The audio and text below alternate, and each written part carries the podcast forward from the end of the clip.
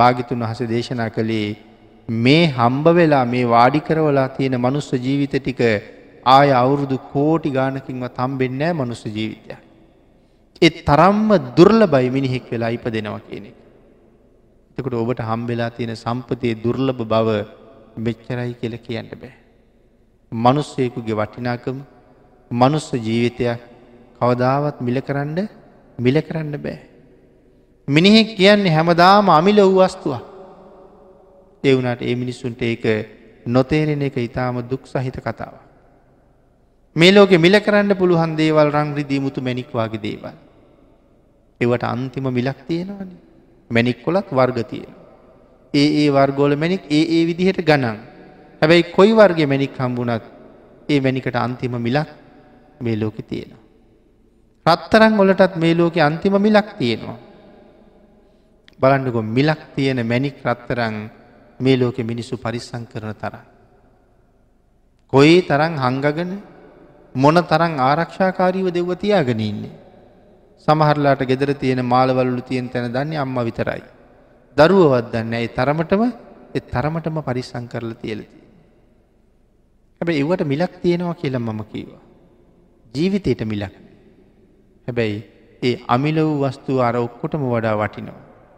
හැබැයි අපි ඒක පරිස්සං කරන බවක් පේන්නේ හැම්ම පැත්තෙන් මේන කෙලෙස් දූවිලියෝලින් ඒ අපවිත්‍ර වෙලා අපවිත්‍ර වෙලා ඔහේ තියෙනවා. නමුත් ඒ කෙලෙස් දූවිලියෝලින් ක්‍රමක් ක්‍රමයෙන් ක්‍රමක් ක්‍රමෙන් ඉවත් කළොත් මේ ජීවිතය කොච්චර බැබලෙයිද. ඉතා මස්තීරයි. හරියට මනුස්ස ජීවිතය උපමා කෙරුව එක තැනක තනපතක් අගරැඳිච්ච පිණි බින්දුවක් වගේ කියලා. කොයි එලාව වැටයිද වැටයිද දන්න. හැබැයිතින් ඒ තරම් මස්තේරයි තමයි තනපත් අග තියෙන පිණි බින්දු. එවුනාට උදේට වගේ ගිහිල්ල පිණි බිඳු දකින්නෙත් උදේටන වැඩිපුර. ඉර පායගෙනෙන වෙලාවට වැව් පිටියට වෙල් පිටියට ගිහිල්ල බලහම අපේ අයි දැකල නැද පිණි බිඳු කොච්චර ලස්සනද කියලා. සමහරි වරතු පාටයි. සමහරෙව්ව නිල් පාටයි. සමහරෙව්ව කහ පාටයි සමහරෙව්වගෙන් රැස් විහිදෙනවා. ඒ පිණිබිඳු පාට පාට හරියට නිකම් මැනික් ඔබ්බෝලවාගේ. හිටි ගමන් වැටෙන්ඩ පුළුවන්. නමුත් මේ පිණිබින්දු ඒ තරම් ලස්සනට පාට පාටට අපිට පේන්නේ මොකක් හින්දද. එහා පැත්තෙන් සූරයාගේ එලිය මේ පැත්තට පරාවර්තනය වෙන නිසා. නැතැන් හිරු කිරණ වැටෙන නිසා හිරු එලිය නිසා මේ දියබින්දු පිණිබින්දු එ තරම්ම ලස්සනයි. අනිත්‍යයි කොයිලා වැටල ඇද දන්න. හැබැයි ඔය පායන සූරයට වඩා දස දහස් ගුණයකින් ලක්ෂ ගුණයකින් කෝටි ගුණයකින් ආලෝකය පතුරුවන්ට පුළුවන් සූරයෙක් හිටි ගමන් ලෝකට පහළවෙන. කවුද ඒ සූරයා. ආගේ සූරයට තමයි කියන්නේ සම්මා සම්බුද්ධ කියලා. භාගිතුන් වහසේ අයිති සූරයාගේ වන්සේට. එහෙම කියහම කෙනෙක් ප්‍රශ්නයක් කරයි දන්න ඇතකොට සාක්‍ය වන්සේට නෙමේද කියලා.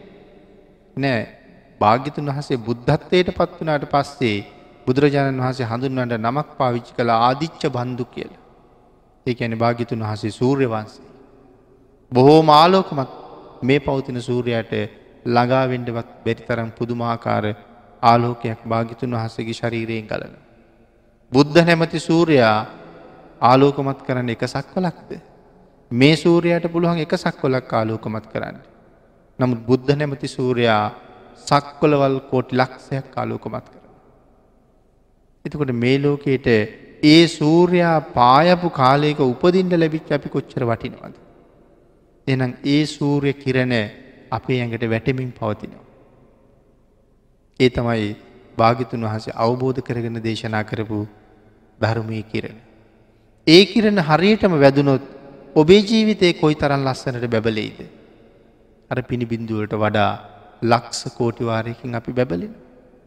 ආන්ගේ රශ්මි කදම්බේට හරියටම ගෝචර වෙච්ච හසුවෙච්ච අය අපි සඳහන් කලා අග්‍රශ්‍රාවකයන් වහන්සේල් අසු මහශ්‍රාවකයන් වහන්සේලා සිව් පිළිසිඹියාපත් මහරහතන් වහන්සේලා මේ ආදි වශයෙන් ක්‍රමක්‍රමයෙන් ක්‍රමක්‍රමයෙන් රහතන් වහන්සේලා ගින්දලා සෝවාන් තත්ත්වයට එනකං ක්‍රමක්‍රමයෙන් බැබලිච්චාය. ඊළඟට ආර්ය පුතත් ජනකයෙන් තැන්ටනකං ඇවිල්ලා බෞද්ධ කියන තැන්ටනකං ආව. එනගේ භාගිතුන් වහන්සේගේ රශ්මියත් එක්ක බැබලෙන අය.